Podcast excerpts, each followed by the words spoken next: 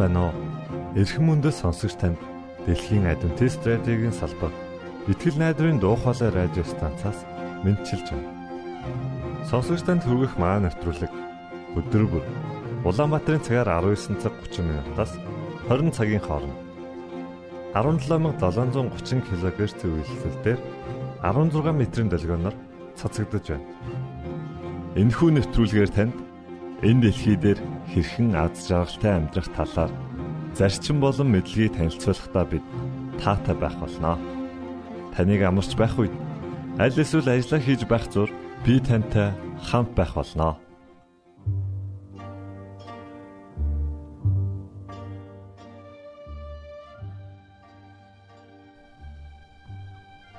Амралтын өдрийн энэ нэвтрүүлгээ бид цэвэр зүрх сэтгэлтэй хүмүүс дуугаар эхлүүлж байна.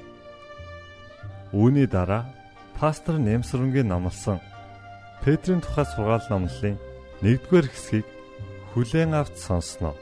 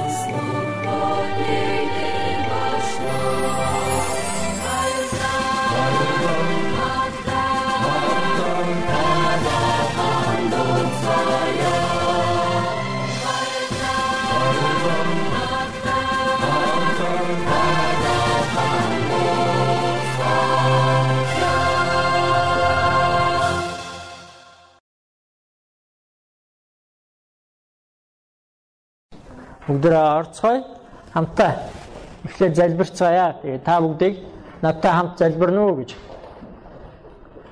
урьж байна. За хүмүүс судлаа эзэлчгийг арай олцгоё тэгээд хамтаа залбирцгаая.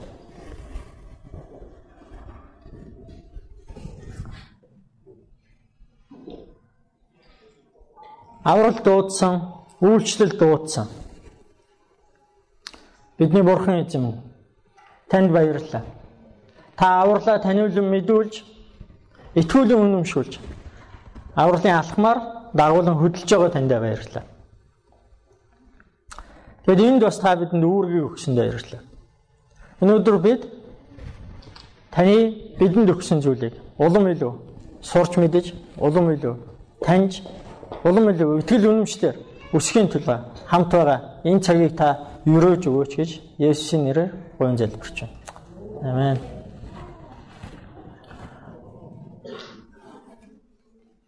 За энэ он дуусахаас өмнө сүмийн тухай дөрвөн сургаал номлол байгаа гэдээ хэлсэн. Нэг сургаал номлол нь явцсан. Өнөөдөр дараагийнх нь явж байна. Тэгээд цаана хоёр үлдэж байна гэсэн үг. Тэгээ өнөөдрийн сургаал номлолыг Петр номын 1-р Петр Петр 2 загтал бичсэн байна. Тэрний эхний загтлын 2 дугаар бүлгийн 4-өөс 10 дугаар ишлэлдээрс суйрлан хэлж байгаа. Тэгээд энийг ингээд ярих гэсэн чинь нэг юмыг би ерөөсөө заавал хиймээр санагдаад болдгоо, хийхгүй байж болдгоо. Тийм нэг бэрхшээлтэй туллаа. Тэр нь юу вэ гэхлээр нэгдүгээрт би энэ Питер гэдэг номын тухай ярихгүйгээр цаашаа явж чаддаггүй. Хоёр шалтгааны улмаас. Энэ ишлэлийг ойлгохын тулд бид нар номоо бид мэддэг байх хэрэгтэй. Нэгдүгээр шалтгаан. Хоёрдугаар шалтгаан нь хувийн шалтгаан. Би өөрөө Питер номыг өөрөө цээжлэх гэж оролдож байгаа. Одоо сүүлийн 3 бараг 4 жил ах. Номын бүтнээр нь тэгээ амжилтгүй л явна л та. Гэтэ яагаад цээжлэх гэж оролдсон юм бэ гэхлээр миний хувьд энэ үнэхээр одоо нэг юмны нэг цөмийг нь олдсон тийм нэг голыг нь олдсон юм гэж байдаг бол тийм юм шиг санагдтiin. Бас надаа яг үгээ бурхан хэлж байгаа шиг санагдтыг тийм ном учраас. Тийм учраас би юун төрөнд яг одоо энэ ишлэлүүд энэ ишлэл рүү орохоос өмнө энэ юу цагаанаар бичсэн чи харагдахгүй болсон шүү дээ. Нэгдүгээр бид нар хоёрын 4-өөс 10 руу орохоос өмнө нэг зүйлийг би танд бүр нэг итгэл үнэмшил төрүүлмээр санагдаад байна. Петр номыг сонирхоод уншаасаа. Тэгээд бүр болж өгвөл надтай адилхан чэйжлэх гэж оролдоосаа гэж итгэл үнэмшил төрүүлэхийн тулд хэдэн зүйлийг эхлээд хийх хэрэгтэй байна. Тэр нь юу вэ гэхээр Петр номыг танилцуулах. За энэ бол бидний өнөөдөр уншиж байгаа ишлэл маань байна. Тэгээ энэ дээр бид нэр эхлээд уншиж, тэгээ цааш нь Петр номтойгоо танилцаад яваа. За ингэж байгаа. Бидний уншиж байгаа ишлэл. Нэгдүгээр тэр 2-ын 4-өөс 10 та бүгд Библиэд байгаа бол Библиэд уншаараа энд нөгөө тэр аяар нэг слайдд багтаах гэж үзсэн чи айгүй жижигхэн болцсон. Би ч бараг эндээсээ өөрөө харахгүй байна. Энэ дээрээс бол харагдана гэж бүр хэцүү ба. Тэр үл сайн хараатаад биш бол тийм ээ. За би уншаадах ингэж байна. Иймд амьд чулуу мэд болсон та нарч Есүс Христээр дамжуулан Бурханд тааламж сүнслэг тархлуудыг өргөж ариун тахилч болохын тулд сүнслэг байшин болон баригдах тоон. Энэ нь сударт харахтун би Сионд сонгогдсон булангийн үнэт шулуу тавина. Түүнд итгэгч хүн ичгүрт орохгүй. Тиймээс итгэгч та нарт энэ нь үнэт харин үл итгэгчдэд барилгачдын голсон чулуу нь булангийн чулуу болов гэд өдрүүлэх чулуу тэглэх хад болсон юм а хэмээсэнтэй адил юм. Харин та нар бол сонгогдсон угсаа хаанц тахилч нар ариун үндэстэн Бурхны эзэмшлийн ард түмэн юм аа. Ингэснээр харанхугаас та нарыг өөрийн гайхамшигт гэрэл рүү дуудсан түүний давуу чанаруудыг та нар тунхаглах юм. Учир нь та нар урд нь ард түмэн биш байсан боловч та нар одоо Бурхны ард түмэн болжээ. Та нар өршөөлийг хүртээгүй байсан боловч одоо та нар өршөөлийг хүртсэн байна. За энэ бол Бурхны үг байна. Тэгээ энэ үгийг бид нэр хайруулад юу гэж хэлсэн энэ үг ямар сэдвийг ярьж байгаа юуг онцолж байгаа гэдгийг өнөөдөр үзэж байгаа ярих гэж байгаа. Тэгээ бид нар номын тухай хэдэн зүйлийг хэлэхгүй болохгүй нэ гэсэн тийм үү? Нэгдүгээр бид нар номын сэдвийн тойм байгаа статистик зарим нэг үзүүлэлтүүд. Тэгээ энийг би маш хурдан явуучих гэж бодож байгаа. Тавхан слайд байгаа. Тэгээ жоохон олон хүүхдтэй учраас ер нь бол хурдан явчих. Тэгээ та бүгдэд хэрэг хэрэгтэй бол сүулт нь ямар нэгэн байдлаар авч болох ба. Гэтэ надтай хамт үзээд яваарай. Нэгдүгээр бид нар номонд яагаад дуртай бэ гэхлээр би өөрөө теолог дуртай. Үнэхээр та теолог гэдгийг мэдээ ойлгоё гэж байгаа бол та нэгдүгээр бид нар номыг уншсан дээр. Яагаад гэвэл энэ номон дээр бурхан гэдэг үг 39 удаа тоологдсон буюу хамгийн гардаг. Ялангуяа шинэ гэрээний загтлууд бурхан бурхан бурхан айлшил бурхантай холбоотой бурханы төлөөсөн үгнүүд. Жишээнээс нь дурдах юм бол амьд бурхан. Хүсэл таалланд биелдэг бурхан. 2 дугаар бүлгийн 15, 3 дугаар бүлгийн 17 дугаар ишлэлүүд байна. Урдаас хардаг мэддэг бурхан нэр хажуудалд нь англиар тавьсан байгаа. Тэ харагдахгүй байна уу? Хол байна уу те? Гэрэл яг байна уу? Гэрлийн унтраад үзэх юм уу? За, хүсэл таалал нь биелдэг бурхан, урдаас хардаг, мэддэг бурхан. Үг нь мөнх оршдог бурхан. Бурхан бол эцэг юм, бурхан бол ариун юм. Бурхан бүгдийг шүүгч. Бурхан бол итгэмжит бүтээгч юм. Бүх нэгүслийн Бурхан юм аа. Гих жишээгээр Бурханы тухай 39 удаа байна. Өөр номнуудтай харьцуулах юм бол яг одоо нэгдүгээр Петр ном шиг ингэж олон удаа Бурханыг заасан номууд бол Иохан ном байна. Нэгдүгээр Иохны загтал байна. Мөн Ром ном байна. Тэгээ нэгдүгээр Петр номон дээр байгаа нийт үгнээс тийм үү? 34 үг тутамд нь Бурхан гэдэг үг гарч байгаа. 43 үг тутамд нь уучлаарай дандаа тоог хойноос нь байна. 43 үг тутамд Бурхан гэдэг үг гарч байгаа. Нэгдүгээр Иохан номон дээр 34 үг тутамд Бурхан гэдэг үг гарч байгаа. Ром номон дээр 46 үг тутамд Бурхан гэдэг үг гарт юм. Библи бол Бурханы тухай ном. Таны итгэл үнэмшил бол таны итгэл үнэмшлийн тухай биш, харин Бурхны тухай ном. Бурхны тухай итгэл. Та Бурханд итгэдэг хүн. Тэгээ үүнийг онцлсон ийм ном. Нэгдүгээр бид нар номд дараагийн гарч байгаа сэдв бол сүм гэдэг. Сүмийн тухай юу гэж ойлгодог вэ гэдэг тухай. Сүм бол сонгогдсон ухсаа юм. Хаан тахилч юм. Агуу үндэстэй юм аа. Ариун үндэстэй юм. Уучлаарай. Сүм бол Бурхны хүчрхэг үйлдлийг тунхаглах ард түмэн юм аа. Сүм бол Бурхны ард түмэн юм. Сүм бол Бурхны гэр бүл юм. Сүм бол Бурхны хонь сүрэг юм. Сүмийн гişүүд гэдэг бол Бурхны зарц юм аа. Гихчшээгээр явж байгаа. Энэ номон дээр бас Христийн тухай, Христийн зовлонгийн тухай олон зүйлийг хэлсэн байна. Тавхан бүлэг дотор маш олон зүйлийг яг цөмийг нь хилээд хилээд явцсан гэдэг цөөхөн үгсээр.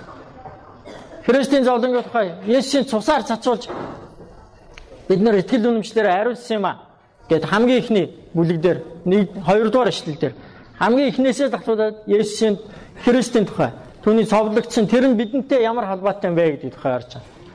Христийн үхэл бол бидний аврал юм а. Гим зүмгүй бөгөөд толбгүй хураг бол Христ юм а. ертөнцийн суураас урд нь сонгогдсон юм а. Есүс гів үнтгэн өө хүн гим нүгэлд унчлаа. Одоо яах вэ гэж яагаад хурж ирээгүй. Энэ ертөнцийг бүтээхээсээ ч өмнө Бурхан таныг аврахаар төлөвлөсөн урдаас харсан бүр тэр төлөвлөгөөг хэрэгжүүлгээд гүйцэтгэл эхэлсэн гэдгийг нэгдүгээр бид нар бидэнд хэлж өгдөг. Та бүр эртнээс Бурханы санаанд байсан. Бурханы хайрын дотор үлгээгдэж байсан гэсэн.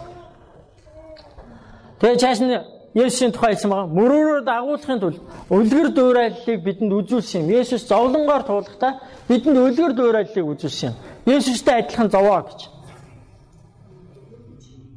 Тэгэд Бурхан даваачихын тулд биднийг оруулсан юм аа. Дараагийн бас нэг том гарч байгаа сэдв бол ариун сүнсний тухай. Та ариун сүнсний тухай ариун сүнс бол биднийг ариусгадаг юм аа. Ариун сүнс бол иш үзүүлэгчдэд байдаг юм аа. Ариун сүнс бол Христэд итгэгчдэд байдаг Христийн сүнс юм аа. Тэнгэр элчээр илгээгдсэн ариун сүнсээр сайн мэдээг хүмүүс зарлан тунхаглаж, номлож байдаг юм аа. гэдгийг бид нар мэдэж аваа. Алдрын ба Бурхны сүнс итгэгч хүмүүстээр оршдоо гэдгийг мэдэж авдаг. Танд алдрын хийгээд Бурхны сүнс тань дээр оршин байгаа гэж нэгдүгээр Петр хэлдэг учраас би энэ номд дуртай энэ номыг чэйжилж хэмсэн, тогтоож хэмсэн гэж боддог. Ирээдүйд Нэг иймэрхүү бид нэр ойлгоод байгаа шүү дээ. Библийг хүмүүс бүр устгаад үгүй болгоно. Бидний гараас үгүй болгоно. Тэр үед бид нар Бурхны үгийг яаж өөртөө байлгах вэ гэхээр чэйжил тогтоосноор л байлгана гэдгийг би итгэдэг. Тийм учраас ишлэл чэйжлэх гэж оролддог. Тэгээд Библийн айл намын номыг бүтнээр нь чэйжилчих юмсан гэж боддог. Одоогор жоохон амжилт муутай яваа. Үннээ хэлэх хэрэгтэй. Гэхдээ хамтрагч бол бас сайжирч магадгүй. За итгэгч хүний тухай бас нэгэн том сэдв явж байгаа. Тэгээд их олон зүйлс байлаа. Би зүгээр энд э, тэмдэглэснүүдээ гяс уншаад өнгөрөө. Итгэгч хүн гэдэг бол үнэн дуулууртай хүнийг хэлдэг юм аа. 1:22 дээр хэлсэн. Сэтгэлээ хариуцахад шин сэтгэлээсээ ах トゥ угаа хайрлах болсон хүнийг итгэгч хүн гэдэг юм аа. 1:22 дээр. Бурхны амьд оршин буй үгээр дахин төрсөн хүн бол итгэгч хүн юм аа. 1:23 дээр. Эцсийн үед илчлэгдэхэд бэлэн буй авралтай хүн бол итгэгч хүн юм аа гэсэн байна. 1:5 дээр. Бүх юмсын төгсгөл ойр ирчгээд байгаа тул бодлоготой, залбиралтай, эрүүл байдаг хүн бол жинхэнэ итгэгч хүн юм а гэсэн байна. 4-7 дээр саяных хэлсэн.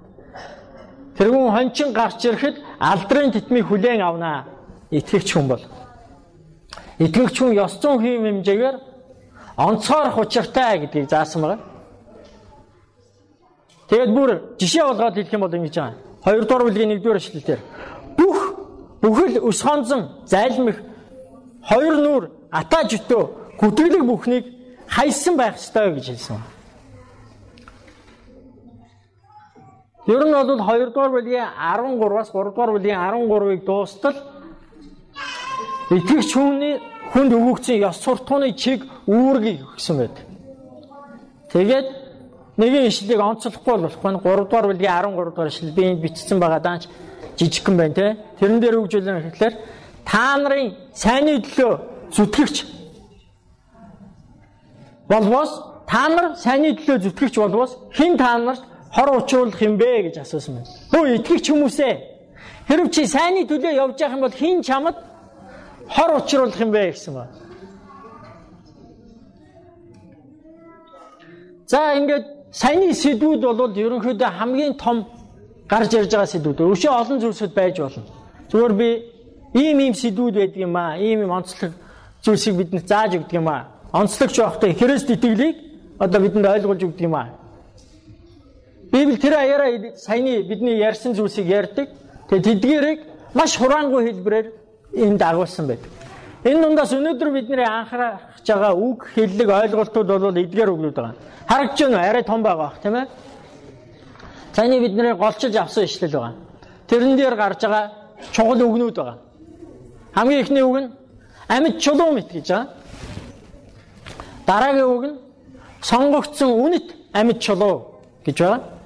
Дараа нь гологдсон эсвэл тааламжит болох тухай зүйл байгаа. Дараа нь байшин болон дарагдах тоон гэж байгаа. Тэгээ булангийн чулуу гэж байгаа. Сонгогдсон угсаа гэж байгаа.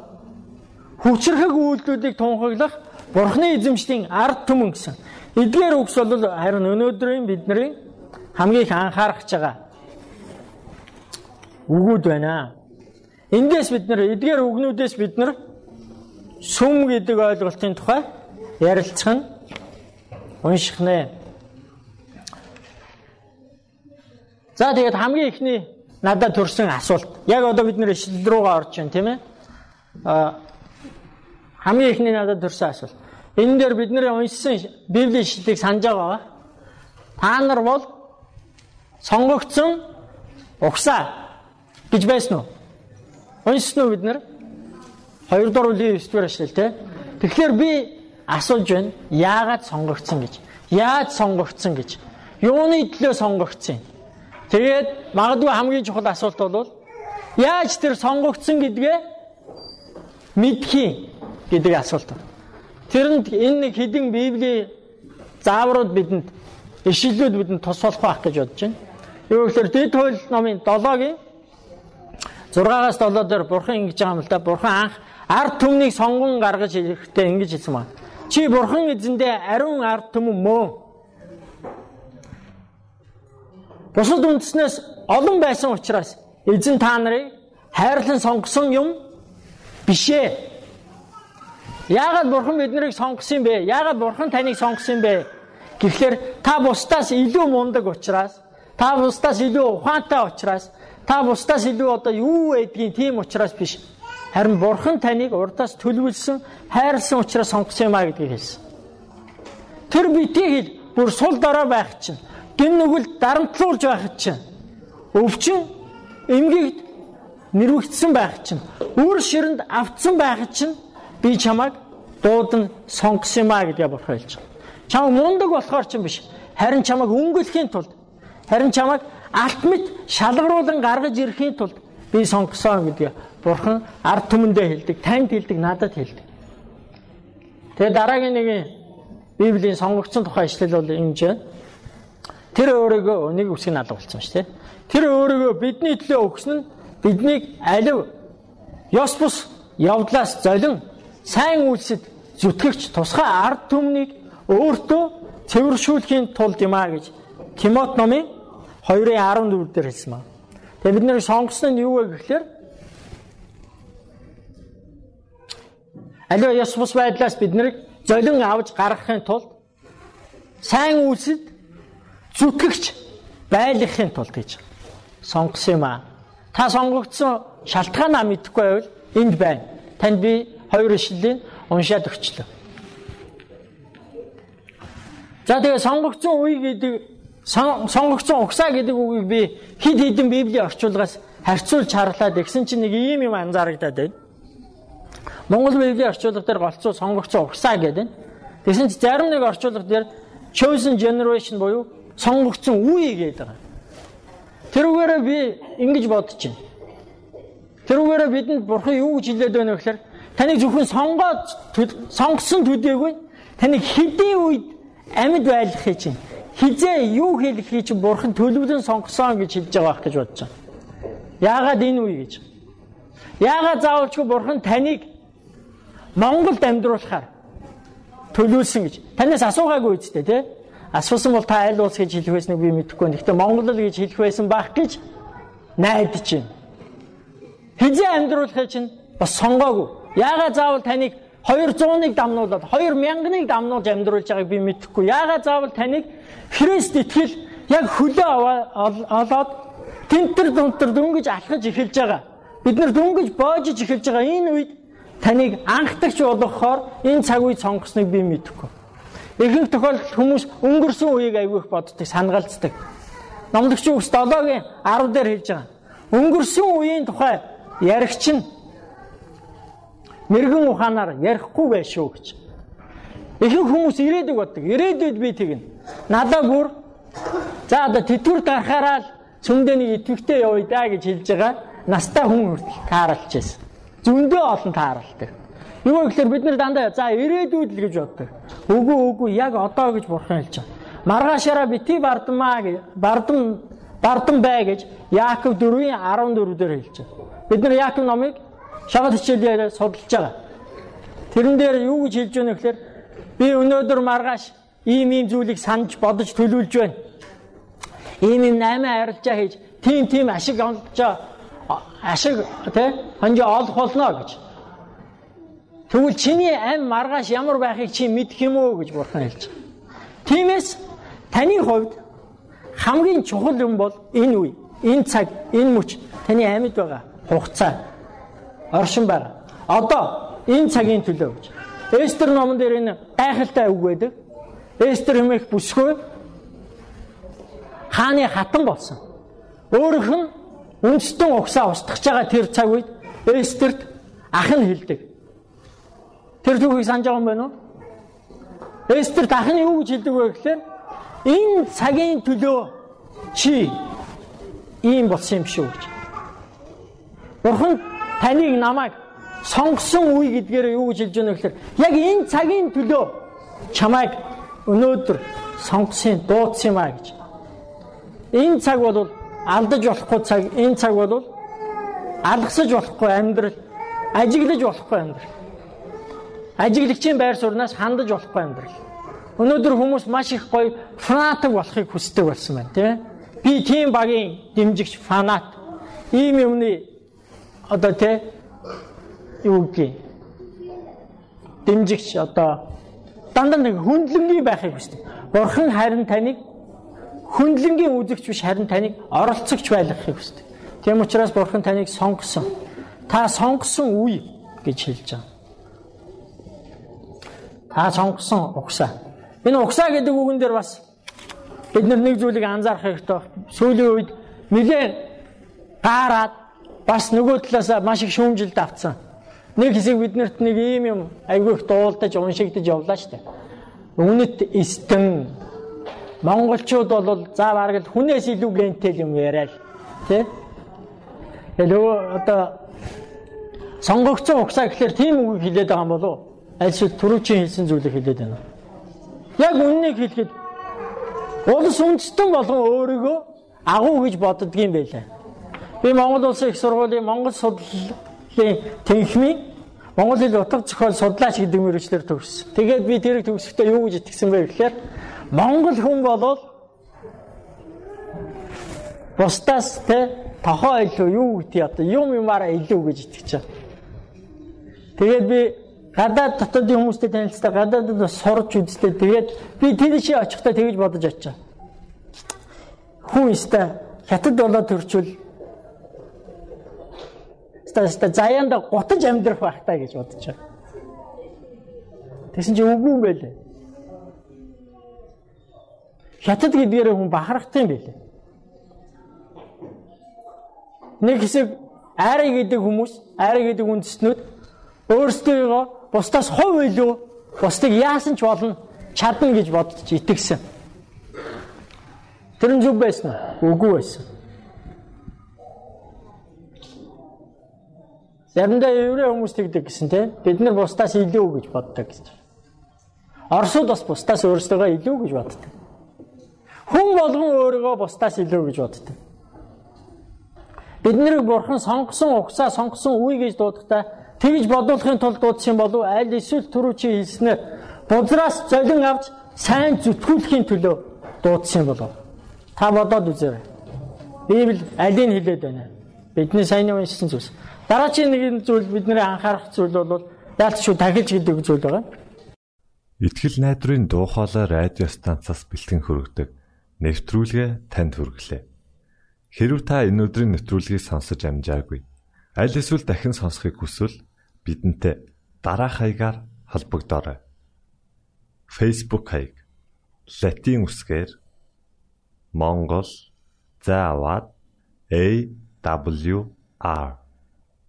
Имейл хаяг mongol@gmail.com Манай утасны дугаар 976 7018 24 9 Шуудангийн хаяцаг 16 Улаанбаатар 13 Монгол улс.